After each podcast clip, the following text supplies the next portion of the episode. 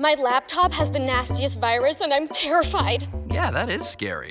You know, an iPad Pro doesn't get PC viruses, so relax. There's nothing to be afraid of, except ghosts!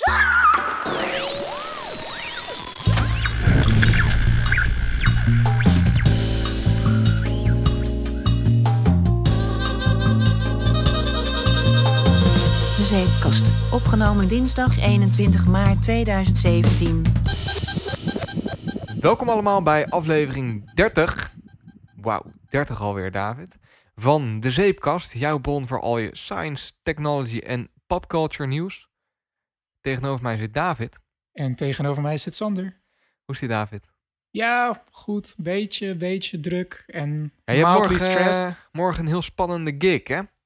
Ja, ik heb morgen wel echt een gaaf optreden. En daar ben ik wel excited voor. Het is een Odeon in Amsterdam.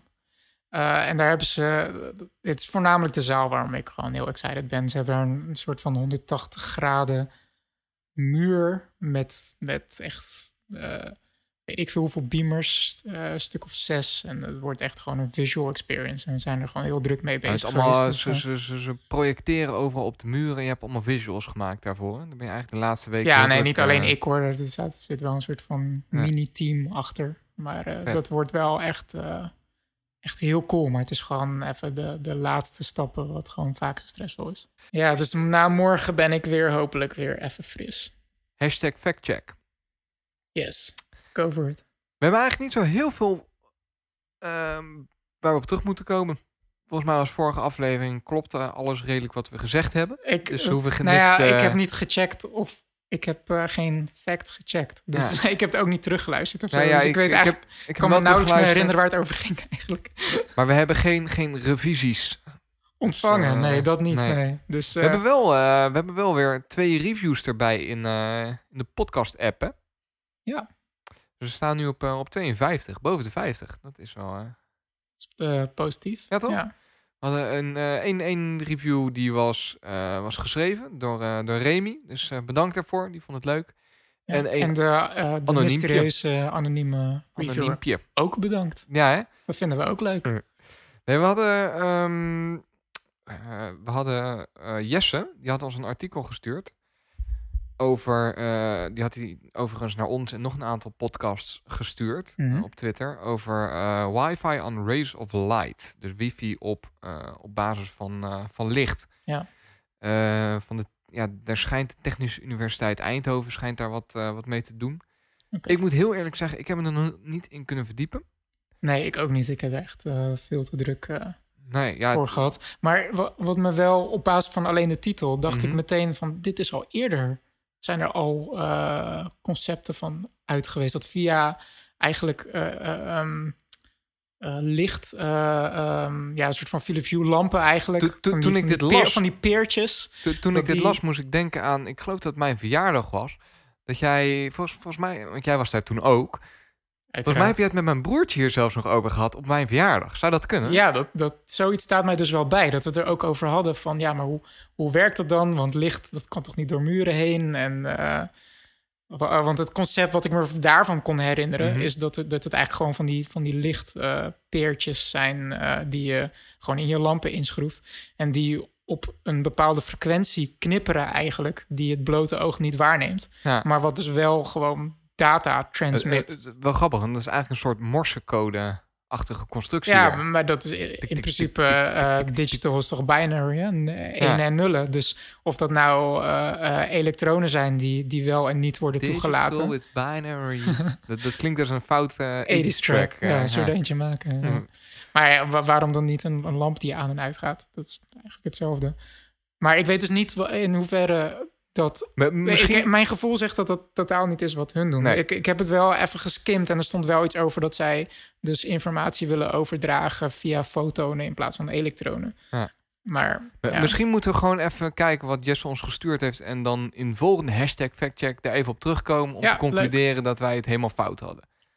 ja, ik, ik, ik, ik, ehm, het, ik moest alleen aan het, aan het voorgaande wat ik eh, een hele tijd terug had eh, gelezen, moest ik denken. Maar Ja. het zal vast niet iets daarmee te maken hebben. Ofwel, je weet het niet. Nee. Toch? Wat eh, wij, wij waren vanmorgen waren we een beetje aan het en dat doen we wel eens lekker aan het brainstormen en bezig Mhm. met, met ons nieuwe. nou, Ja, we hebben een nieuw logo, hè? We hebben een nieuw logo, Super ja. vet. En wie mogen we daarvoor bedanken? Nou ja, Maxime van Mixer Studio en Mixer Miranda. Studio. Mixer Nice. Studio, ja. Nee, die hebben voor ons een nieuw, eh, nieuw logo in elkaar gedraaid. En het is wel tof, want voor... Misschien is het leuk om een beetje toe te lichten, want er zitten een aantal verstopte elementen zitten daarin. Die je misschien niet, Ja, dat is wel eh, leuk, ja. niet, niet direct ziet. Het concept achter het logo. Ja, want er zit namelijk de, de letter Z. Het is een soort bliksemschichtje. En er zit een letter Z zit daarin verstopt. Mhm. Wel zo Ehm, handig. daar zit popculture in verstopt. Als Door in de bliksemschicht van eh, Mr. Bowie. Mr. Bowie, David Bowie. Dat is eigenlijk exact hetzelfde, eh, hetzelfde bliksemschicht die hij op zijn, eh, op zijn hoofd geschilderd had. Mhm. Dan zit er nog een, ja, het is natuurlijk ook een soort van science symbool, een bliksemschicht. Ja. En er zit een podcast dingetje in verstopt in het puntje. Dat is hetzelfde puntje als het puntje in een praatwolkje in een strip, zeg maar. Dus er zitten best wel wat leuke, leuke verwijzingen in. ja. Die je misschien op het eerste oog niet... eh, Dus over vijf jaar houden we een, een quiz. Ja, En dan moet je, de, moet, moet je dit goed onthouden, want dan kan je misschien wat winnen. ja dan, dan kun je ehm, een koelkast winnen. ja. Ja. Waarom ook een koelkast? Ja, dat, dat is toch handig? Dat, ja, dat, Koelkast is toch handig? Waarom zou je geen koelkast willen ik heb winnen? denk ik meer aan een magnetron, maar goed. Dat, eh, Ja, maar die geven niet weg. ja, Oké. Je kan een koelkast winnen of eh, gegeven paard moet je niet in de bek kijken. David. Nou maar we moeten beetje- misschien dan in de show notes dan ook eh, gaan toevoegen van... en eh Mixer Studio bedankt voor de cover art. Ja, dat, wel even... moeten we even onthouden of zo. ja. Dat, dat gaan we doen. Ehm, nou, volgens mij hebben we dan alle dingetjes wel een beetje... Nou ja, dus wij waren druk bezig met het voorbereiden eh, en een nie- nieuw logo. En dus waren ze aan het kijken, waar moeten we nou heen met de, met de Met de zeepkast? en wereld, wat, eh, met de wereld, wat, wat willen we nou? En daar eh, Ja. filosoferen wij nog wel eens over. Dus hoe gaan we nieuwe luisteraars trekken? En dat soort vragen die je jezelf als business moet stellen, zeg maar. Hoewel we niet echt een business, zijn natuurlijk. Business. Ik, Nee. Maar toen waren we dus bezig en toen kwam ineens, roep jij heel hard, we zaten lekker bij de biep. En toen riep jij, eh, er eh, zijn nieuwe, nieuwe iPhones. Oh, zo. Ik, ik, ik had echt geen idee dat je daar naartoe ging. Ja, Maar eh, ja, er zijn nieuwe iPhones. Er, was al, waren al geruchten. ja vol- volgens mij waren jouw letterlijke woorden, oh my god, een rode iPhone.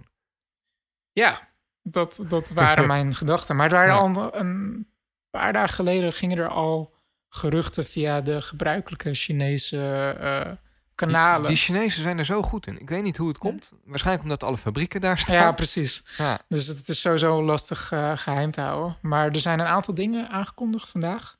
Ehm, net op de valreep, want ik zei Mhm. vorige aflevering van... Ja, wanneer kunnen we het over Apple hebben? Ja, als ze iets aankondigen. Eh, er zijn rode iPhone 7's, Product Red iPhone 7's. Ik, ik vind hem stiekem wel heel mooi, als Ja? ik eerlijk ben. Ja.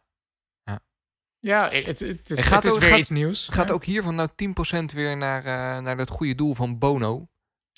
Eh, ik neem aan van wel, want anders eh, ja, zou het geen Product Red zijn. Dan zou het gewoon een rode iPhone zijn. Maar is dat, is dat 10% van de verkoopprijs of 10% van de winst? Of is dat iets waar wij volgende hashtag factcheck op terugkomen? Ik weet niet of Apple eh, daarover communiceert. Want ik weet wel dat, dat Product Red is gewoon een bepaalde filosofie. Maar aan de andere kant kan ik me ook zo Pro- voorstellen... Product dat Mr. Is- Tim Cook met eh, Bono gewoon om tafel zit van... joh, we gaan het zo en zo doen. Ja. En we gaan niet communiceren. Eh, Product Red is voor AIDS, toch? Het AIDS-fonds Kijk, er staat Bono, letterlijk- onder de iPhone 7 bij het logo Product Red op de website staat... Iedere aankoop helpt het Wereldfonds bij de ondersteuning van HIV-AIDS-projecten en brengt ons een stapje dichter bij een generatie zonder AIDS. Ja. Dus er staat niet concreet bij van we gaan Hoeveel... eh, 10% of... eh, de, eh, in de kleine lettertjes bij Ja. de veelgestelde vragen staat...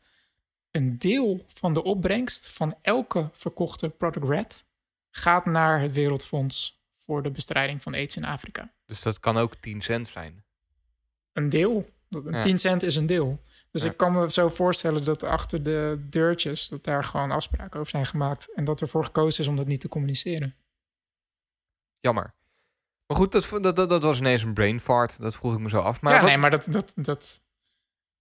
het, het is natuurlijk wel een reden waarom je, los van hoe die eruit ziet, het, het is Ik vind een reden om uitzien. hiervoor te gaan. Ik vraag me wel af... Wat ik altijd zo tof vond aan Product Red... was dat het altijd accessoires waren. Ik vind ja, als maar er een- zijn ook Product Red iPhones geweest, hè? Ja, ja, maar dat- iPods bedoel ik, maar- iPods. Wa- waren het niet special... eh, of ja, klopt. Maar die kon je alleen via de website bestellen, geloof ik, hè? Die kon je niet in de winkel kopen. Die moest je via de website bestellen. Mhm. Maar dat is ook Ja. nog vrij recent. Dat waren die iPod Touches. eh. Ik kan me ook ehm, eh, andere iPods eh, wel herinneren, hoor. Ook volgens mij de Nano, maar ja, dat zou moeten, moeten opzoeken. Nou, in, in, in mijn idee was Product Red was altijd zo'n lijn waarvan ze eigenlijk bij iedere iPhone of eh weet een- el- ieder Mhm. product een subset aan eh, hoesjes uitbrachten. En die hoesjes, daarvan ging dan een gedeelte naar het goede doel. Ja, maar nu heb je het specifiek over Apple. Want Product Red is natuurlijk veel breder. Hè? Ja, dat weet ik, echt tot ja. aan, volgens mij, eh, muziekreleases. eh, ik ga even snel naar de Product Red pagina. Ehm, Wat, wat me overigens opviel, nu je toch aan het opzoeken bent, mhm. was dat ze het voor elkaar hebben gekregen om ook de antennes rood te maken. Dus die antennestrepen op de achterkant. Ja, maar die zijn toch gewoon plastic? Ja, ja, maar waarom hebben ze dat bijvoorbeeld? Want ik zie ze alleen alleen bij de zwarte vind ik ze altijd helemaal weg, eh, wegvallen, zeg maar. Bij de zwarte en de Jet Black hebben ze hem ook zwart gemaakt. Als je bijvoorbeeld de gouden hebt, daar zitten Mhm. witte lijnen op. Ik denk dat dat gewoon een, een eh, designkeuze is. Ik vind Eh, het niet mooi. Die witte lijnen? Ja. Ik denk, ik denk eerlijk gezegd dat het gewoon een designkeuze was van... we vinden gouden lijnen vinden we lelijker dan witte lijnen. Eh, en Ja. dat het bij de zwarte dat dat wel mooi is om dat egaal te maken. En bij de rode hebben ze Ja, ook die nee, keuze gemaakt. het, het viel me op. dat het, gewoon een keu- het is gewoon een keuze. Het is een designkeuze. Ja. Zoals zoveel dingen. Ben je er al? Product Red? ja, het is een beetje een vage website. Ik, ik weet dat ze één keer per jaar hebben ze sowieso met allemaal apps. Dat alle in-app purchases. Nou, hier heb je het alweer. Hè? Dan is er dus. eh, je, je hebt natuurlijk wel gewoon inderdaad een, een, eh, een, eh, Mofi Juice Pack hoesje. Je hebt een Beats koptelefoon. Maar je kan dus ook een suite in Hollywood eh, eh, reserveren. En die is dan soort van met rode dingetjes ingericht. ja, dat is de Andas Red Suite in Andas West Hollywood. ja oké. oké. Dus het is gewoon een, een concept wat je, wat je helemaal van alles kan toepassen. Nee, dat, dat snap ik. Maar ik vond het bij Apple gewoon altijd zo. Maar Ja. dat, dat kan dan ook mijn perceptie daarvan Ja. zijn. Maar ik vond het altijd zo symbool staan voor de hoezen die zij daarvoor verkochten. Dat je een iPhone kon kopen. En als je daar dan een rode hoes omheen deed, Ja. dan droeg je wat bij aan het goede doel. Ik vind dit wel een stap verder gaan. Als je echt zegt, we gaan een apparaat van. Ze hadden natuurlijk wel. Ze hebben ooit is die, eh, die, die, die trashcan, de nieuwe, eh, of, of de nieuwe, hashtag nieuwe, eh, is die nieuw. De, is, de Pro. Hij is vier jaar oud, Ja, de, bijna vijf jaar oud. de, de Mac Pro, daar Ja. hebben ze een, eh, een one-off Ja. van gemaakt in Ja. het rood. En die is voor heel veel geld gegaan. Ze, ik geloof dat eh, Johnny Ive heeft ooit en de, van Leica een Leica-kamer, geloof ik, in het rood ook gemaakt. Weet ik niet meer helemaal zeker. Ehm, mm, weet ik niet. Volgens mij was het een samenwerking met G-Star Raw. Dat, Oh, dat, dat is wat mijn geheugen zegt. Maar dat maakt op zich niet uit. Ja, ik, het, het, het was altijd zo, eh, voor mij iets met accessoires. J- jij hebt hem voor je iPad, hè? De rode, de rode hoes. Ja, Ja, helemaal verwacht. Maar, eh, ja, kijk, het is, het, is, het is leuk, de Product Red. Het is gewoon een... Ik zie het meer als een zoethoudertje. Ik Ja. bedoel, eh, ze hebben niks aan te kondigen. Er is een nieuwe iPad. Maak er, maar een Product Die ook niet nieuw is. Anders staat het ook zo lullig. Laten we gooi gewoon even een kleurtje erbij. Ja. Dat is echt gewoon niet boeiend. Het is gewoon... eh, en dat, en dat, dat, dat maakt me ook soort van ergens... maakt me dan ook zorgen. Van, wa- wa- wat, wat zijn ze aan het doen? De, eh, we hebben het al een tijdje niet over Apple gehad. En het komt aan de ene kant omdat er eigenlijk gewoon de laatste tijd Niet zoveel te niet melden is. zoveel is om te praten. eh, Ja, die, die nieuwe MacBooks over. met een touchbar, maar dat is ook niet heel baanbrekend. Nee, ja, het is een feature. Ja. Het is een feature. Ehm, nu hebben we een nieuw kleurtje. En we hebben een nieuwe iPad die ook niet nieuw is. Want de chip is niet echt nieuw. Het design is niet nieuw. Hij is iets goedkoper geworden. Ja. Hij is iets dikker en iets zwaarder geworden. Er is geen nieuwe iPad Pro. Hij heeft ook geen R meer, hè? Nee, hij heet gewoon iPad. Hij is te dik. Ja. Een beetje een vatsige ja, ja, iPad. ja, ja, precies. De iPad Fat gaan we hem noemen. Het, het dikkertje. Ja. hem, ja. Maar dat, ja, het, het, het is een aankondiging. Is, en het is die over, hij is wel sneller dan de iPad Air 2 dan. Ja, dus het, er zat een A8-chip, of zelfs een A8X-chip Ja. in de iPad Air 2, als ik me niet vergis. Die ook al volgens mij op bijna twee jaar op de markt was. Nou, hij was al twee jaar op de markt. Eh, Volgens mij wel, ja. En nu heb je eh, dus het. Hij is eigenlijk in alle opzichten hetzelfde, de nieuwe iPad. Eh, alleen dan de, de A9-chip, die ook Ja. in de iPhone 7 zit. Op zich apart en hij is dus dat iets geen, dikker geen- en hij heeft blijkbaar iets meer power nodig door de nieuwe chip. en, en ze hebben geen X-variant gemaakt, hè? Nee. Het is geen A9X-chip, waar Nee, ze dat voorheen wel altijd deden. Ja, de X stond vaak voor het feit dat de chip ook wat, eh, Wat, meer wat- grafische ja. capaciteit eh, had. dat hij wat beefier was, dat hij wat meer, eh, meer, meer, meer kracht had. Ja, specifiek voor grafische, Ja. grafische dingen. Dat, dat vind ik wel eh, noemenswaardig. Dat, dat dus of schijnbaar is die eh, A9-chip dusdanig snel geworden dat er geen Mhm. behoefte meer is aan onderscheid tussen de chip in een iPhone en die in een iPad. Het kan ook een centenkwestie Ja. zijn. Als je geen hele nieuwe architectuur hoeft te maken.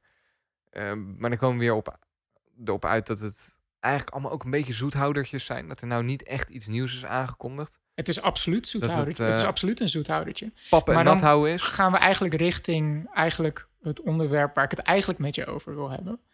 En dat is eh, iOS versus macOS. Ja, Ehm, want ehm, sowieso de, de hardware. eh, ik, het, het lastige aan Apple op dit moment mhm. is, het, ze hebben nog steeds de strategie van we brengen niks naar buiten. We zeggen niet wat we aan het doen zijn waar we mee bezig zijn. waar we mee en- bezig ja. zijn. Ehm, zo af en toe eh, is er dan een shareholders meeting en dan gaat Tim Cook weer zijn, zijn scriptje af met eh, ja. eh, hij heeft laat, bij de laatste shareholders meeting heeft hij gezegd van ja, het feit dat jullie het niet zien, betekent niet dat het er niet is. Het, wat ik het lastige daaraan vind. En dan zo- denk ik, no shit Sherlock. Die, die, die Ja. strategie kun je voeren op het moment dat je weet van, nou, er zit nou iets aan te komen. Dat echt, als dat uitkomt, Ja. jongen, dan gaan ze allemaal voor de kop slaan en zeggen oh, die Apple had gelijk. Er Ja. was echt. Maar dat doen ze nu eigenlijk al drie jaar. En Ik wou, dat, ik wou dat net zeggen, dat doen ze drie jaar. En het is de, eigenlijk zouden we nu soort van terug in de tijd moeten gaan van wanneer Tim Cook iets zei. Van nou ja, dit jaar, in 2015 bijvoorbeeld, van eh, ja, eh, als ik nu kijk wat, eh, wat het komende jaar, wat we in de pijpleiding hebben. Nou jongens, dat gaat helemaal goed komen. Ik heb er alle vertrouwen in. En dan even Apple Watch. en dan Ja. daarna constructief gewoon kijken wat er daadwerkelijk gereleased is. En die, die statements dan naast elkaar zetten. En kijken hoeveel waarde die statements Ja. hebben. Ehm, want de afgelopen, wat die, de afgelopen shareholders meeting Tim Cook gezegd heeft, zijn in feite twee dingen. Er zijn ontzettend toffe producten eh, eh, in aantocht. Jullie zien ze alleen nog niet. Al drie jaar. Ja. Heeft hij niet gezegd, maar Ja. dat is wel zo. Ja. En eh, we gaan meer in de pro-markt doen. Want de pro-markt is erg belangrijk voor ons. Zegt hij ook al drie jaar. Ja. Ehm, Jij, jij bent een beetje. Dus ik, ik ben niet te kwalificeren als pro in termen van mijn computergebruik. mhm. Ik heb Ja. een MacBook Pro eh 13 inch uit 2013 en die doet prima wat ik wil. Ik zou graag Ja. een nieuwe willen, maar dat is meer esthetisch dan dat ik het echt nodig heb. Ja. Jij bent wel een pro, jij doet er heel veel muziekdingen op. Voel jij je serieus genomen door Apple? Dat is een beetje een retorische vraag, want ik weet het antwoord al. Ehm, nou, eigenlijk niet. Nee. Ehm, En En- doet, dat, doet dat pijn, David? nou ja, kijk, ik neem het niet persoonlijk. Weet je, maar. Ja. eh, k- Heb eh, jij het kijk, gevoel dat, het is dat gewoon- het Tim Cook op jouw hart aan het trappen is, David?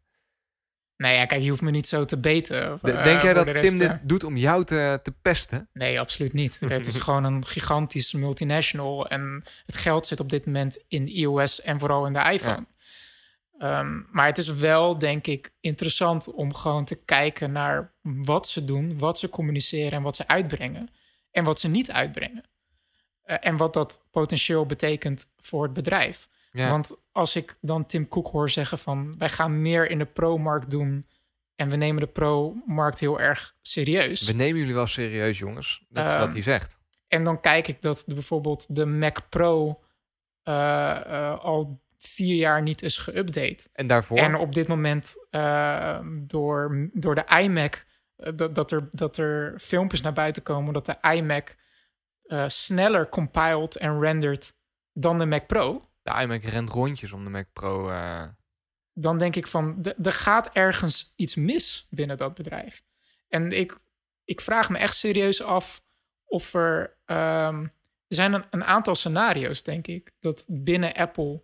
dat er plannen waren voor een nieuwe Mac Pro... voor eh, een nieuwe gen MacBook Pro... eh, en dat dat niet gelukt is. Dat er ergens iets fout is dat, gegaan dat zou een tijdens hoop het verklaren. Dat zou verklaren waarom Tim Cook inderdaad Ja, dat, dat al ze- zo lang dat ze- roept. En, Ja, eh, dat ze gewoon echt een idee hadden van, nou, we, gaan- we gaan er een, eh, de nieuwste Intel-chip in zetten en we gaan dit en dat doen. Eh, en dat het gewoon niet gelukt is, om Ja. wat voor reden dan ook. Of dat er gewoon echt een, dat er strategische keuzes binnen het bedrijf zitten. Dat, dat zij bijvoorbeeld niet... Dat dit niet de markt is die ze willen bedienen. Omdat er niet zoveel geld ja. in zit. Alleen wat ik dan zou willen als pro-user, is dat Apple daar eerlijk over is. Dat ze gewoon naar, naar buiten brengen eh, van wij gaan deze kant op. Ja, want nu Met- ben je met- telkens als pro-user ben je aan het wachten van... nou ja, dit is me nog niet helemaal. Ik kan nog wel een jaartje langer doen met mijn MacBook. Ja. Want volgend jaar, Tim zegt het, dan komt er echt iets heel, Ja. heel goeds aan. Dus ik wacht Ja. gewoon nog een jaar. Jaar erop. Nou ja, weer niet. Maar Tim zegt het nog steeds. Dus eh, mijn MacBook trekt het misschien nog wel een jaartje. Ja. Ja. Eh, ja, dat is wel lastig. Dus dat, dat is enerzijds... Het is eigenlijk een beetje een, een, een relatie, hè? Dat je de ma- mannen en vrouwen en, en je Nou bent ja, maar niet, erg- niet ergens duidelijk. Heb je, ergens, er- ergens heb je gewoon... Tenminste, als ik, als, ik naar me, als ik naar mezelf kijk... Je, het, ehm, ik ben altijd... Nou, een hele lange tijd ben ik echt Apple-fan Ja. geweest. En bepaalde argumenten daarvan is die, die integratie van het hele systeem. ehm, van, van de software en de hardware. Eh, en dat is dan niet alleen het besturingssysteem, maar bijvoorbeeld ook. eh, ik ben best wel een zware Logic Pro eh, gebruiker. Eh, en Logic Pro, dat is de audiobewerkingssoftware eh, van Apple. Die ze ooit hebben overgekocht van. dat was ooit eMagic. Dat hebben ze gewoon gekocht, in-house gehaald. En is volledig Apple geworden. Ehm, waar overigens ook de podcast nu mee wordt opgenomen. Maar als ik daar ook in kijk in die softwareontwikkeling dan gebeurt daar gewoon niet zoveel meer. Logic, Logic Pro die staat ook al misschien wel vijf jaar stil. Er is ooit Logic, Logic Pro X uitgekomen. De meest recente versie. En die heeft een nieuw likje verf gekregen. Maar in de basis is het bijna hetzelfde. Ja, dat en is wel... af en toe is er een update. Maar dat is dan niks meer dan... eh, ehm, eh, een aantal maanden geleden hoor je het bericht dat Apple een bepaald audiobedrijfje die een synthesizer plugin bijvoorbeeld maakt, heeft overgekocht. En eh, even later komt er een nieuwe Logic update waarin die plugin gewoon standaard in Logic zit. Ze maar hebben dat gewoon copy- even, even wat geïnvesteerd Precies, om... eh, even ja. een copy-paste, maar fundamenteel eh, verandert er niet zoveel meer aan de software. Terwijl je als je naar de, de wijdere softwaremarkt binnen de audiowereld kijkt, gebeuren er super interessante dingen. Ja. Nee, ik, snap, ik snap wat je bedoelt. En ze zijn natuurlijk op eh, consumer niveau, dus consumentenniveau, zijn ze wel heel druk bezig met allemaal nieuwe eh, software features ook. Het de continuity, het overnemen van je e-mails, van je Mac op je, op je tablet en vice versa. Dat soort dingen. Dat zijn allemaal ja. wel trucjes ehm, die het wel als consument zit, zit daar nog wel rek in. En dan zijn ze in ieder geval, word je serieus genomen. Denk ik. Ja. Ehm, en dan kom je dus op het volgende punt, dus de integratie met iOS en macOS. Eh, waar ik heel benieuwd naar ben en waar, waar ik me dus ergens zorgen over maak als Ja, iemand die gewoon eigenlijk best wel veel in de, in de Mac-ecosystem heeft geïnvesteerd. Ik heb ook hardware die eh, alleen, Mac maar draait. op Mac draait. met Thunderbolt en... eh, Ja, ja, niet alleen dat, maar gewoon letterlijk waar alleen drivers voor zijn, alleen voor Mac. Ja. Eh, wat het dus gewoon lastiger maakt om over te stappen naar een ander systeem. Maar ergens wil ik dat ook gewoon niet. Omdat Ze voor mij jou er steeds... goed, eh, goed ingetrokken, zeg maar. eh. Ja, zeker. Maar ik geloof ook echt in die macOS-platform. Ik vind het gewoon echt wel een heel fijn systeem om in te werken. Super Ja. stabiel. Eh, en ik kan er gewoon snel in werken. Ik ben er gewoon best wel proficient in. Ehm, maar ehm, je merkt, ik, ik heb al een aantal jaren het gevoel, ook in de marketing van Apple, dat zij iOS, ja. iOS langzaam naar voren aan het pushen zijn van de nieuwe basisplatform, de nieuwe computing base. En ergens Dus snap ik dat wel, want iOS is de kracht, de, is nee, is, de, is eigenlijk de meest gebruikte OS van Apple, denk ik nu, dankzij de iPhone. Ja. En als ik heel eerlijk bij mezelf moet zijn, is als ik puur kijk naar het aantal uur dat ik in een computing inter- interface zit mhm. op een dag, dan is op basis van die metrics is iOS mijn main computer. daar, zit, daar, besteed jij het meeste tijd in. Op je iPad dan waarschijnlijk. eh. iPad, iPhone, ook Ja. iPhone. Eh, mailtjes tikken, eh, dingen lezen. Maar hoe zie jij dat dan voor je dat ze dingen als, als laptops met uh, touch met, met, met ehm, toetsenborden en dergelijke, dat dat gewoon eh, een muis, Ja. dat dat geïntegreerd gaat worden in een iOS-systeem of dat dat gewoon gaat stoppen en dat ze eigenlijk willen dat alle consumenten naar iPad-achtige oplossingen gaan.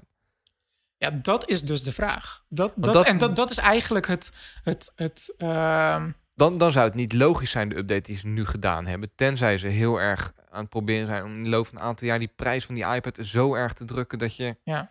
Nou ja, je, je, eh, eh, je ziet in de marketing dat Apple bijvoorbeeld bij de iPad Pro vorig jaar echt pusht van. eh, ze zeggen letterlijk van er zijn zoveel Windows PC-gebruikers die kunnen net zo goed een iPad Pro kopen. Ja.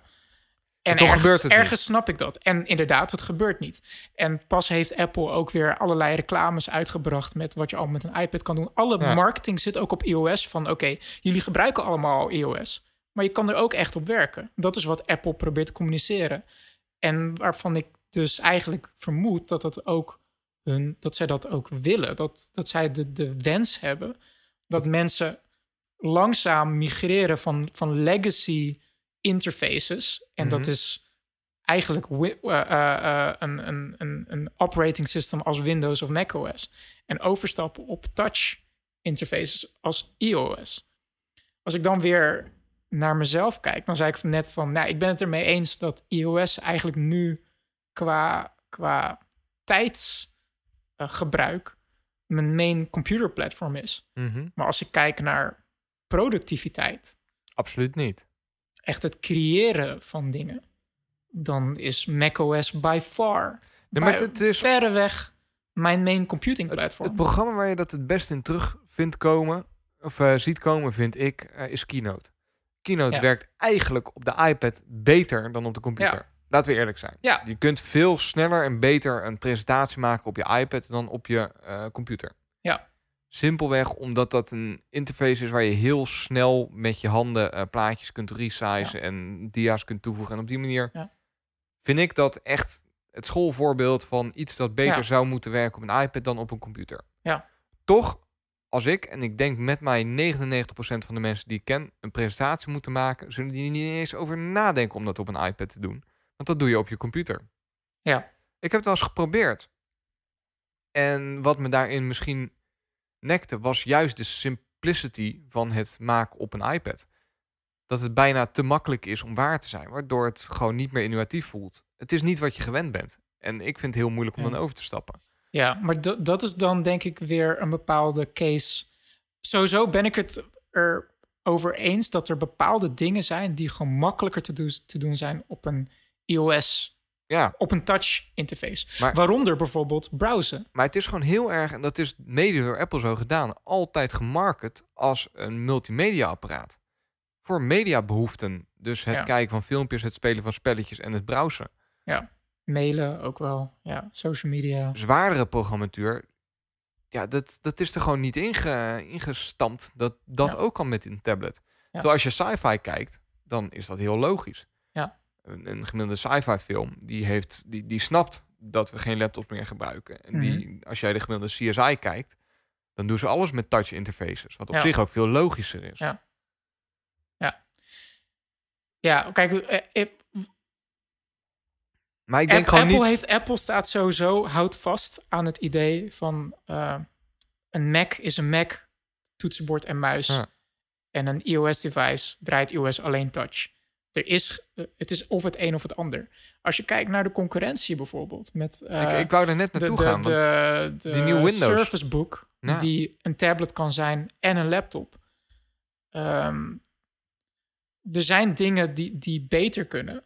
Maar het is een, het is een interesting idea over, over computing. Weet je, dat je toch allebei hebt of zo. Nou ja, ik, ik, ik zie daar een bepaalde visie achter Ja. eh, vanuit Microsoft. Dat ze, dat, dat ze het oprecht als probleem zien en het probleem proberen op te lossen. Terwijl ik nu bij Apple een beetje het idee heb dat ze vooral heel erg willen dat ik op een iPad als professioneel gebruiker ga werken. Of Ja. als, als consument echt. Als dat mijn ene.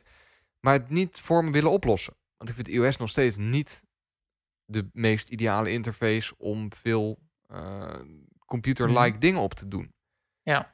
En dat zit hem er puur in dat dingen als, als widgets, en daar zijn ze wel iets mee bezig. Maar ja, ik vind het te klassiek met die Ja. icoontjes. Eh, ik Ja. druk op een icoontje en het, het, het, het blaast op en het wordt een app. Ja. Dat is een heel klassieke manier van denken. Dat hebben we al tien jaar. Ja. Dat is niet veranderd. En volgens mij is dat niet meer de meest ideale manier om een computer te bedienen. Ja. Ja, ik, En ik, zie Microsoft daar dus wel in investeren in dat probleem om het op te lossen. En of de juiste oplossing is, dat weet ik niet. Maar ze zijn wel bezig. Ik blijf terugkomen naar eh, kijken naar wat wordt er gecommuniceerd en wat brengt Apple uit. Ja, Eh, Apple communiceert van ja, dat we, nemen. niet met elkaar. hè? Nee, ik zie, daar, ik zie daar twee verschillende verhalen. En dan creëer je wel frustratie bij je, Ik- ik- bij je gebruikers. Ik, ik hoor Apple zeggen: eh, wij, wij, nemen, wij vinden de pro-markt vinden wij belangrijk. Wij maken superkrachtige computers. De Mac is er nog, maar ik zie een Mac Pro die al vier jaar niet is geüpdate. Ik zie een nieuwe MacBook Pro meer, eh, die meer feature, luxe features toevoegt dan echt de, de meest snelle top-of-the-line computer. Ehm, ik vind het prima dat, dat Apple eh super dunne, eh, lichte, energiezuinige computers maakt Ja, die in een envelop passen. Maar waarom moet die filosofie over de hele eh, Linie. linie. getrokken worden? Dat- en dat baart mij gewoon serieus zorgen. Ik vind het heel, altijd heel fijn om het zeg maar, te vergelijken met de auto-industrie. Ehm, er zijn mensen die hebben gewoon een vrachtwagen nodig. Om bijvoorbeeld, eh, omdat ze bepaalde eisen van hun vervoersmiddel nodig hebben. Ze moeten een bepaald aantal gewicht en volume moeten ze vervoeren. mhm. Ehm, en dat past dan in het straatje van een vrachtwagen. En dan is het net alsof het, de, de, het autobedrijf op een gegeven moment zegt van... nou ja, wij zien de toekomst niet meer als de vrachtwagen... maar meer als een, een, een eh, hummer, een luxe hummer. Ehm, het heeft dezelfde prijs... even s- misschien een half slechte vergelijking... maar het zit in dezelfde prijsklasse als de vrachtwagen. Het is alleen luxer. Alleen het voldoet dan niet meer aan de core eisen van dingen verplaatsen eh, qua volume en gewicht. Want het past gewoon simpelweg niet in Het die kan Hummer. niet, ja. Het kan niet in die Hummer. Ja. En zo zie ik het ook een beetje hoe Apple dat nu aan het doen is. Dat ze nu Dat, met, dat met, prima als ze die omslag willen maken. Maar communiceer dat dan. En zeg niet van nee, meneer de vrachtwagenchauffeur, Ja. er komen nieuwe vrachtwagens aan. Wacht maar, jij, jij, jij weet niet wat we aan het maken zijn. Maar oh, dat is stof joh. Ja, Dan ga jij, gaat jouw hart als vrachtwagenchauffeur gaat er harder Ja. van kloppen. Een ander aspect eh, is: ehm, gaat iOS ooit macOS vervangen? Hebben we het volgens mij wel eens eerder over gehad, weet je dat? Dat weet ik niet. Ja. Maar ehm, Jij bent daar bang voor, hè? Ja, ergens wel. En ik hoef daar niet bang voor te zijn als Apple eh, iOS op een dusdanige eh, manier evalueert dat het op, op een gegeven moment krachtig genoeg wordt eh, om macOS te vervangen. Mhm. Maar ik, ik, heb, ik heb ergens het gevoel dat Apple te vroeg al roept dat iOS. eh, tenminste, het is mijn interpretatie dat Apple roept dat Nou, jij, iOS een main, jij, jij main ziet een, jij ziet een aantal is. dingen gebeuren. Jij ziet gebeuren, Apple investeert niet in de pro-markt. Ze zeggen wel, maar dat doen ze al drie jaar niet. Jij ziet Ja. gebeuren, Apple investeert heel veel in spotjes waarin ze zeggen dat de iPad zo geweldig is en dat je er alles op kan. Ja. Tel dat bij elkaar op en jij trekt de conclusie van, eh, ja, ze gaan gewoon heel die pro-tak gaan ze afketsen. Ze gaan iedereen aan de tablets helpen.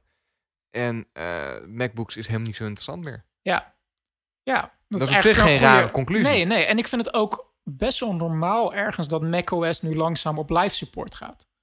Want ik accepteer ergens misschien dat, dat eh, macOS en die manier van computing ontzettend niche gaat worden. En op een Dus gegeven moment helemaal gaat verdwijnen. Dus Kijk, kijk we, zijn, we zijn nu aan het, aan het, eh, aan, aan, aan het zeuren. nou, daarover. ik ben niet per se aan het zeuren. Ik ben, Maar- ik maar- ben alleen aan het interpreteren wat, wat Apple communiceert. En Waar ik het net doet. over had, als je een gemiddelde CSI kijkt of, of cijfer aflevering, is het ook veel logischer om op een andere manier te computeren. Computeren is een werkwoord. Ja. Ja. Nee, maar het is eigenlijk raar dat wij onszelf ooit deze manier van werken hebben aangeleerd met een graphical user interface Ja. en een muis en een toetsenbord. Ja. Dat we daar zo ontzettend goed in zijn geworden Ja. dat we tegenwoordig sneller tikken dan dat we Precies. denken bijna. exact. Dat is exact. eigenlijk raar. Het zou veel Nou, ik ben, logischer ik ben zijn ook niet, om... Ik ben ook niet tegen change. Alleen, ik heb ergens het gevoel dat ehm, iOS nu te snel naar voren wordt geschoven. Terwijl het nog lang niet op het niveau zit van Ja. macOS. J- jij bent bang dat jij in die stap, eh, dat de pro-user eh, verloren gaat. Er zit een te Ja. groot gat nog. Ja. Eh, en dat los je niet op door, een, door hardware uit te brengen met een touchbar. Nee. En waar geen, geen, bijna geen poorten meer op zitten en zo. Dat is te, te radicaal. er. En, en daar zie ik dan ook weer een soort van paradox. Want aan de ene kant is macOS eh, is eigenlijk voor, de, de old, voor, de, voor een bepaalde niche, niche vlak. Maar dan brengen ze hardware uit waarin ze de evolutie van, van de iOS-devices willen Ja. tonen. En dan denk ik van, Nee, ze, ze brengen die twee platformen steeds dichter naar elkaar. Het, wordt, eh, het, het gaat niet lang duren voordat het puur een scherm wordt. de Mac.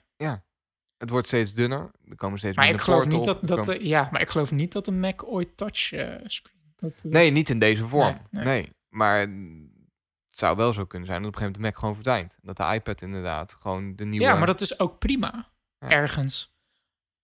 Als het maar aan dezelfde eisen voldoet van de vrachtwagenchauffeur. Nee. Zeg maar, of ze moeten op zijn minst in die range... moeten ze hardware uitbrengen die aan die eisen voldoen. En ze- het, het, het iOS-platform moet ook dusdanig schaalbaar zijn... dat het ook werkt onder eh, dat soort eisen.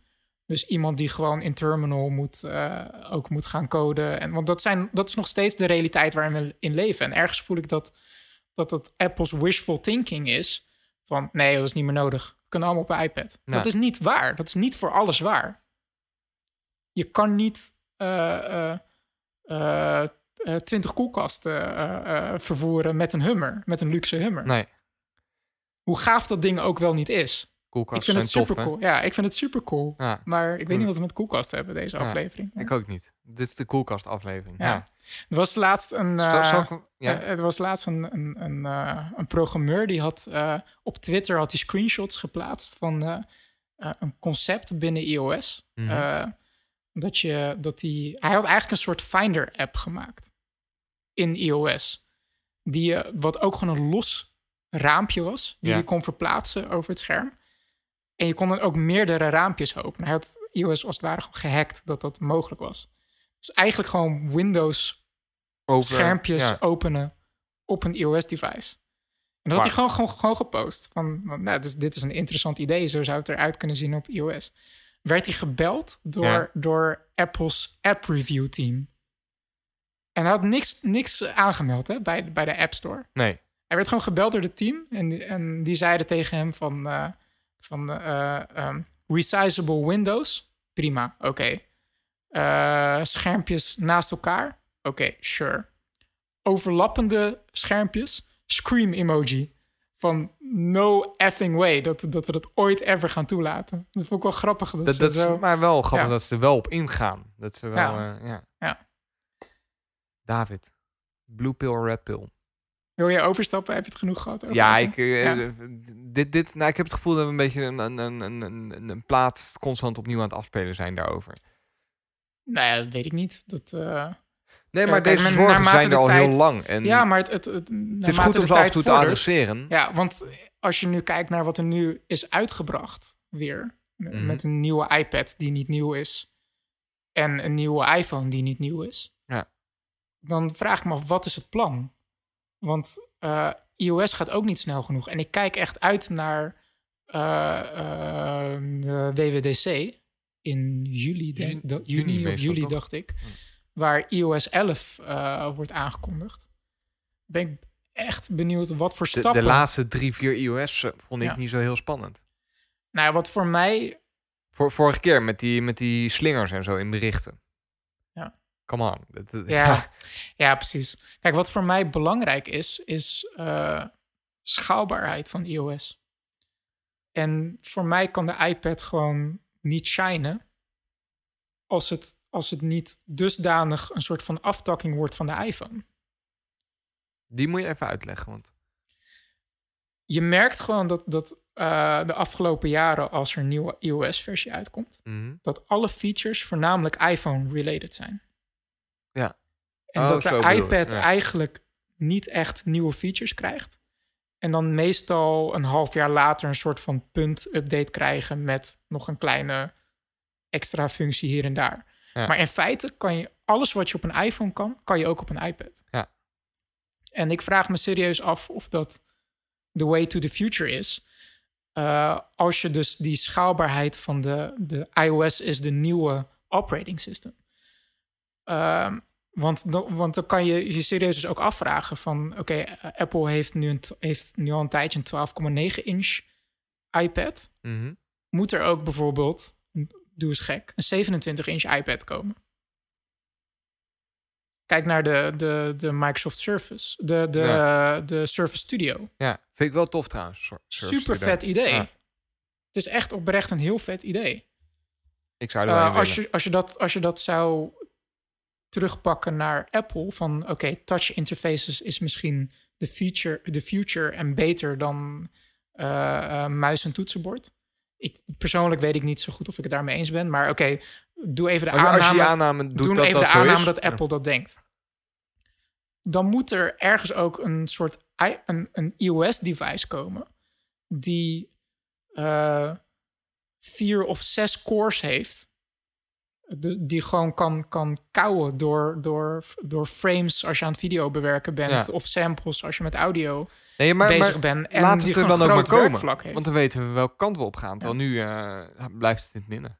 Ja, alleen dan wordt de challenge van als je stel dat er dus dat, dat, de- dat die iOS hardware tak zich nog verder gaat ontwikkelen, dan moet iOS ook gaan verschillen per vormfactor. En de focus ligt nu vooral eigenlijk op de iPhone qua, qua het op, de operating system. En dat houdt de iPad in mijn optiek terug. Nou, dus het is eigenlijk een beetje de, de crux tussen innovatie en geld. Hoe stom dat ook klinkt. iPhone brengt gewoon het meeste geld op. I- ja, en, en Daar maar dan, verdienen zij ja. 80, 90 procent Ja. van, de, van, van de inkomsten van Apple Klopt. komen uit die iPhone. Ja, maar dan denk ik ook van, je bent het grootste bedrijf ter wereld. Hoezo kan je niet, ho- hoezo kan je niet meerdere hardware ondersteunen en moet alles in die iPhone vallen? Ja. En dan kom je dus weer op het punt van dat wij niet weten wat er achter de schermen gebeurt. Oké, la- laat ik het. mm, Is dit de afsluitende Ja. vraag? Maar laat ik het zo aan Ja. vragen. Heeft Tim jouw vertrouwen nog dat er inderdaad iets in de pijplijn zit? En mag twee minuten mag je antwoorden. Ehm, nou ja, ik, ik neem eh, eh, eigenlijk alles wat Tim Cook nu zegt. Mhm. bij interviews, bij, bij eh, eh, shareholders meeting, gaat ene oor eer in, andere oor uit. Ja.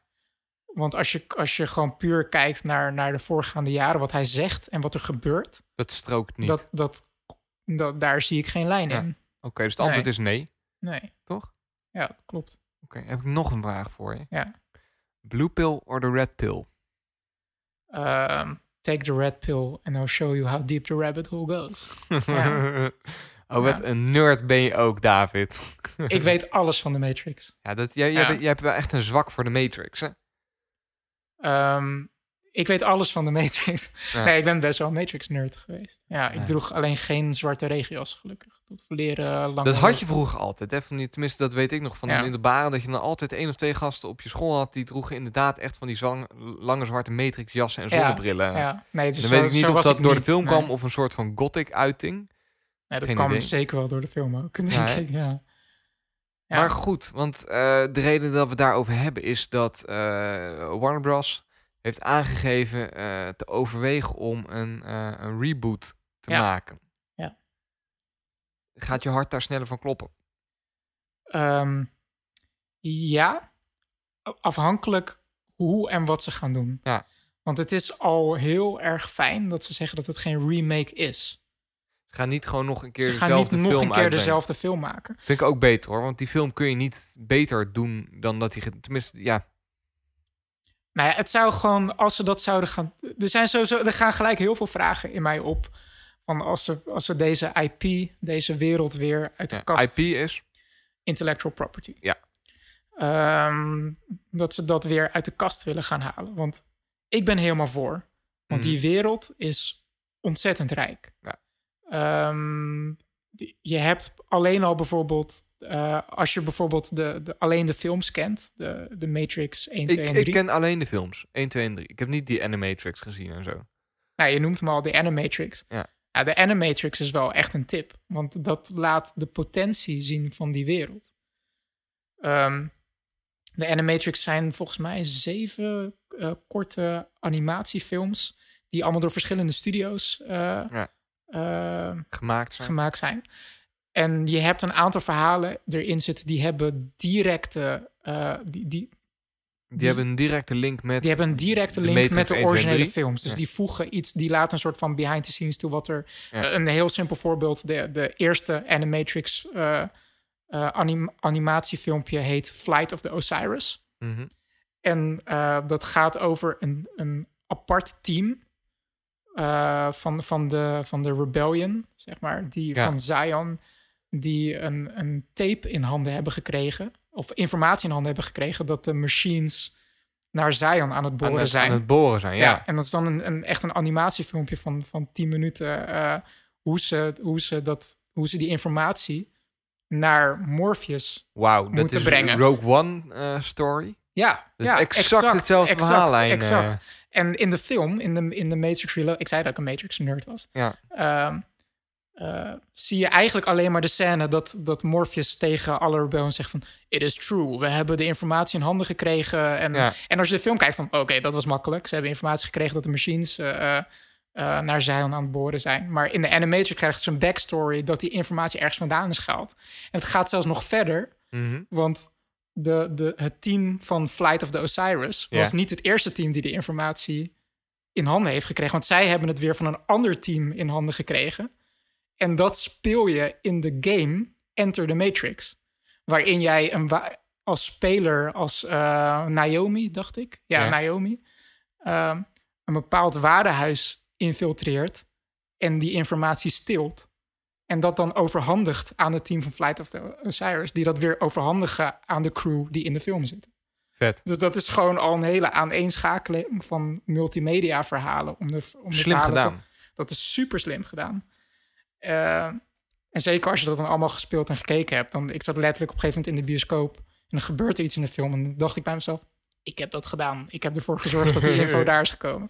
Vet. Ja. Anyway, dat, is eh, een beetje, dat zijn een soort van prequel-achtige tussenverhalen... Van, om, om gaten te vullen binnen de originele films. ja, weet je wat ze met Rogue One exact hetzelfde doen? Ja. Ja, ze zoeken haakjes in het verhaal en daar hangen ze extra verhaallijnen aan. Of ze, ze, ze breiden het als het ware uit. Dat zou denk ik, eh, als Warner Brothers dat zou doen... Mhm. Ik, mijn vermoeden is dat ze dat gaan doen. Ja. En, de, en dat... Waar is dat op ik. gebaseerd, dat vermoeden? Omdat eh, de geruchten gaan dat Warner Brothers geïnspireerd is door wat Lucas, eh, Lucasfilm en eh, Disney nu doen met Star Wars. Ja. Dat ze nu allemaal tussenverhalen aan het ma- maken zijn van bijvoorbeeld Rogue One, dat je, dat je de, eigenlijk, die eigenlijk een paar Dat- uur voor de eerste film afspeelt. Ja. Je ziet, het is, ze zijn bezig met een, een film met een jonge Han Solo. Dus ik kan best voorstellen dat de mensen bij Warner Brothers zeggen: hmm, een film over een jonge Morpheus. En dan Eh, met dollartekens in of de een ogen. film over hoe Trinity uit de Matrix wordt gered. Ja. Weet je, dat, dat, dat, ik snap dat wel, dat ze dat denken. Ergens heb ik zoiets van, ja, het is leuk, ik ga, tuurlijk, ik ga het kijken. Maar het zou nog vetter kunnen. Want in de Animatrix heb je ook ehm ander soort verhalen die meer in de Matrix concept zitten. Binnen, die, binnen het universum afspelen, maar niet direct iets te maken hebben met Neo en die hele oorlog tegen de machines. Het is gewoon het concept van eh, je leeft in een wereld die niet echt bestaat. En Exact. wat is er mogelijk? En stiekem zou ik dat echt veel vetter vinden. Ja. Eh, er is bijvoorbeeld Ja, je kunt alles loslaten dan. Je, je, je kunt denken over dat misschien een gedeelte van de mensen in een andere versie van de Matrix zit, waar andere, andere eh, wetten gelden of andere regels Exact. gelden. exact een Dus je bent nergens meer aan gebonden. een voorbeeld is, eh, kijk, in de films wordt al gezegd dat er dat Neo was is niet de eerste one. Er zijn Nee. meerdere versies van de Matrix geweest en die zijn allemaal op een bepaalde manier gefaald en is de Matrix ge- gereboot. Ja, No ik geloof dat. Agent Smith heeft daar op een gegeven moment nog een dialoog over. Dat ze hem op een gegeven moment hadden ze hem te ideaal gemaakt, waar de mensen te blij waren. En ja, dat, dat was ook helemaal. met, met eh, de met de ja klopt. En Ja. de architect heeft het er ook over met Neo van you think you're the first en eh, oh hier, hier heb je er nog eentje. Ik ben Ja. benieuwd wat er deze keer gaat gebeuren. Ehm, in de game Enter the Matrix eh, kom je op een gegeven moment ook in een soort eh, ja gewoon een soort van gigantische mansion kasteel. ja. En dan moet je ook tegen vampieren vechten. En die zitten ook die vampieren What? en die vampieren zitten overigens ook in de tweede film eh, Ja, bij de. Merovingian Die- ja, hoe die vampieren worden verklaard, zijn dat zij eigenlijk eh, oude code zijn uit voorgaande versies van de Matrix. Die- bugs, die, blijven, die, zijn blijven hangen. Die, die, ja. die meegekopieerd zijn naar de nieuwere versies. En die, die, die houden zich gewoon een soort van gedijst ergens. Maar dat zijn super vette ideeën. Dat, dat al die legends, dat dat gewoon allemaal programming, matrix-achtige concepten zijn. En in de Animatrix zijn er verhalen zoals een hardloper. ja. En er zit dan een hele backstory bij die hardloper. En die rent op een gegeven moment zo hard dat hij de Matrix uitrent. Dus hij is aan het hardlopen en Ja. op een gegeven moment warpt alles en wordt hij wakker in die eh, eh, eh, bat- battery Ja. chamber waar die, waar die mensen geharvest worden, zeg Ja. maar, in die stroomvelden. Ja, dat wat ga je dan doen, weet je wel? Ja, dan lig je daar en dan... Ja, ja dat, dat is, dan komen de machines eraan en die, die probeer je dan weer terug te pluggen. Maar dat soort verhalen zijn gewoon... Die, die wereld is zo rijk. Ja. En ik weet zeker dat ze dat niet gaan doen, want het is te weird eigenlijk om dat soort verhalen te doen. En dat is moeilijk te verkopen. Eh, Nou ja, eh, dat, dat zouden ze doen als ze puur iets voor de fans willen maken. Maar het Ja. concept geld speelt gewoon mee. Er moet ja. heel veel geld verdiend worden. ja, ergens is inderdaad de animatrix Dus het is moet super mainstream en- worden. Dus ja. ga er maar vanuit dat er in ieder geval verwijzingen zitten naar, naar Neo en naar... Tenminste, dat, dat denk ik dan, om het grote publiek aan te spreken. Ja, Er absoluut. moet een link zijn. Het moet, Ja. het moet een bepaalde herkenbaarheid hebben. Er is een reden dat de Animatrix niet eh, zo groot is geworden als de Matrix. En dat Mhm. is ook omdat dat voor de echte nerds was die met lange jassen op school Dank je, liepen. Sander. Dank je. Ja. Toch? Ja, ja, precies. Ja, nee, maar dat, dat begrijp ik dus ook wel. Dus ik, mijn, het logischste is ook dat er gewoon een soort van eh, filling in the gaps van de, de verhalen van Morpheus en Trinity en Zion en zo. Waar ik wel heel benieuwd naar ben, is ehm, in welke tijd gaat het zich... We are still here. Ja. Daar moet ik ineens aan denken Ja. trouwens. Ja. Waar, waar ik dan heel benieuwd naar ben, is hoe, hoe die nieuwe films eruit gaan zien. Ergens letterlijk. Want wat heel vet is aan eh, de originele Matrix-films, Ja. is dat die zich afspelen in een soort hele vage, net niet versie van de 90s. Met die flipphones en eh, snap je een beetje die Ja. technology, die, die, de, de, de bedraden landline-telefoons. Ehm, ook als je kijkt naar de auto's die gebruikt worden, die zit, dit zijn ook een soort van moderne versies van jaren 50 auto's. Het is een hele. eh, Het is een soort van cyberpunk-achtige, realistische 90s wereld. Ik, ik kan me niet voorstellen dat ze nu een Matrix-film gaan maken met iPhones bijvoorbeeld. Van, oh, ik, ik moet even eh, weer inbellen naar de real world. Ik, I've got an app for that Ja. of zo. Weet Ga- Gaan de, hoe heet ze, Bukowski siblings? die zijn, niet, er zijn er voorlopig niet mee verbonden. Nee? Nee. Dat, ja, dat is wel jammer. Waren zij verbonden aan, eh, of nee, want die zijn telkens andere studio's gemaakt, de Animatrix. Dus daar zijn Nee, daar niet, zijn ze eh, niet. Ja, ze hebben wel meegeschreven aan een aantal stories. Maar ze zijn niet met alles verbonden. Ja. Nee. Maar snap je een beetje wat ik bedoelde met de 90s? eh, Ja, ik, ik snap dat, eh, Mijn heel groene vibe ook zit overal overheen bij de Matrix. Hè? Ja, er zit Ook, ook, ook in overheen, beelden en dergelijke. Ja. Het is allemaal inderdaad een beetje roestig-achtig. eh, hoe zeg je dat? Industrieel ook wel. Ja, ja, zeker. En ehm, in de Matrix wordt er ook gezegd dat ze inderdaad ehm, dat de machines een simulatie hebben gemaakt van de pinnacle of human society. En dat was dus bl- blijkbaar ergens eind jaren negentig. Dat was de pinnacle of human society. Wat, wat is Pinnacle? Eh, het toppunt, het, Het toppunt, toppunt, van, eh, ja. van human society. En dat vond ik ergens ook wel grappig, want ehm, eind jaren negentig, dat, dat was een soort van... Dan moet ik gelijk ook denken aan Wolf of Wall, Wall Street, eh, een beetje het corporate, die, die beurzen. Ja, de, de wereld. graaikultuur, zeg maar. Ja, ja, iedereen, ja eh, exact, exact. Ja. Dus ik ben gewoon heel benieuwd hoe ze dat ook voor de rest gaan invullen. Zeg maar, qua, ik moet technolo- gelijk- qua technology level. En dat, dat is dan weer een heel ander zijpad. Ehm, maar ik moet gelijk denken aan de afgelopen aflevering dat we het inderdaad hadden over eh, die chips in je brein waarmee je eh, lange termijn geheugen kan maken. En dat dat dan in, in staat zou stellen dat je een boek binnen twee seconden kan ja, lezen. Ehm, zijn we niet zelf een soort van matrix aan het creëren ook, waarin realiteit steeds minder realiteit wordt met eh, virtual reality toestanden. Laat ik het zo zeggen. Zouden Mhm. op een gegeven moment, en dan komt hij helemaal mooi rond, want dat was eh, vorige aflevering dat we het hadden over dat als je doodgaat, dat je geüpload kunt worden naar een, eh, naar een, een, een, alternatieve wereld, een ja. virtuele wereld. Dat was, zo heet die serie, Black Mirror. Ja, Zouden we niet op een gegeven moment naar een society kunnen waarin wij soort van de robots zijn die mensen de keuze bieden van als je wilt dan kun je in dit Valhalla leven waar alles beter is, waar alles eh, precies zo is zoals jij dat wilt en dat mag. En mijn aansluitende vraag, zou je dat doen? Als ik nu tegen jou zeg Ehm. van oké, jij mag in deze, deze capsule mag je gaan liggen, dan prik ik iets achter in je hoofd, dan weet je niet meer dat ik dat ooit gedaan heb, maar dan Mhm. word je wakker in een utopie. Dus een wereld waarin de hele wereld om jou draait. En waarin je eh super bekend bent, een soort van Bill Gates. ja. Zou je dat dan doen? is bliss, ja.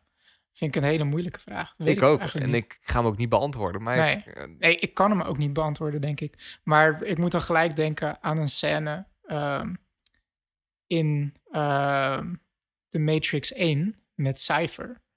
Is een van de, van de crewleden van eh, Morpheus. ja, Die wil weer ingeplucht Ja, worden in de eh, Matrix. die is op een gegeven moment, eh, ik geloof, biefstuk aan het eten. Ja, En dan zegt ja, hij van, oh, ja. dit... Hij zegt tegen zichzelf van... ik weet dat dit gewoon code is... en dit is allemaal nep, dit is allemaal simulatie... maar But damn, wat, it sma- tastes good. wat smaakt dit lekker. En ehm, ik wil het eigenlijk allemaal niet... Ik wil gewoon teruggeplucht worden... en gewoon een super awesome leven leiden. Ook al is het nep. Zolang ik niet weet dat het nep is... Dan is dat prima. Het is wel leuk om over dat soort dingen na te denken. In hoeverre ook zijn wij nu die wereld aan het creëren zelf? Zijn wij de voorwaarden aan het creëren tot het creëren eventueel van de Matrix? Ja, Ik, eh, maar ja. Dan, ja, dan, dan, dan kom je dus eigenlijk op het punt van... ehm, wat te ver gaat voor deze podcast. Maar eh, wat is überhaupt het, het, het nut van het leven? Zullen Zeg maar we hem is- die vraag eh, gaan afsluiten? Ik vind dat wel een hele mooie vraag om de aflevering op af te sluiten. Ja. Onze, onze luisteraars in eh een diepe Zou, zou concentratie je in een ideale matrix willen leven... en dan vind je het prima dat jouw lichaamswarmte gebruikt wordt... door een machine society in de reality? Nou ja, is het per se iets slechts? I don't know. Ik ook niet. Lieve luisteraars, hebben jullie het antwoord laten weten? Ik denk het niet. David, wat eh, dacht je ervan?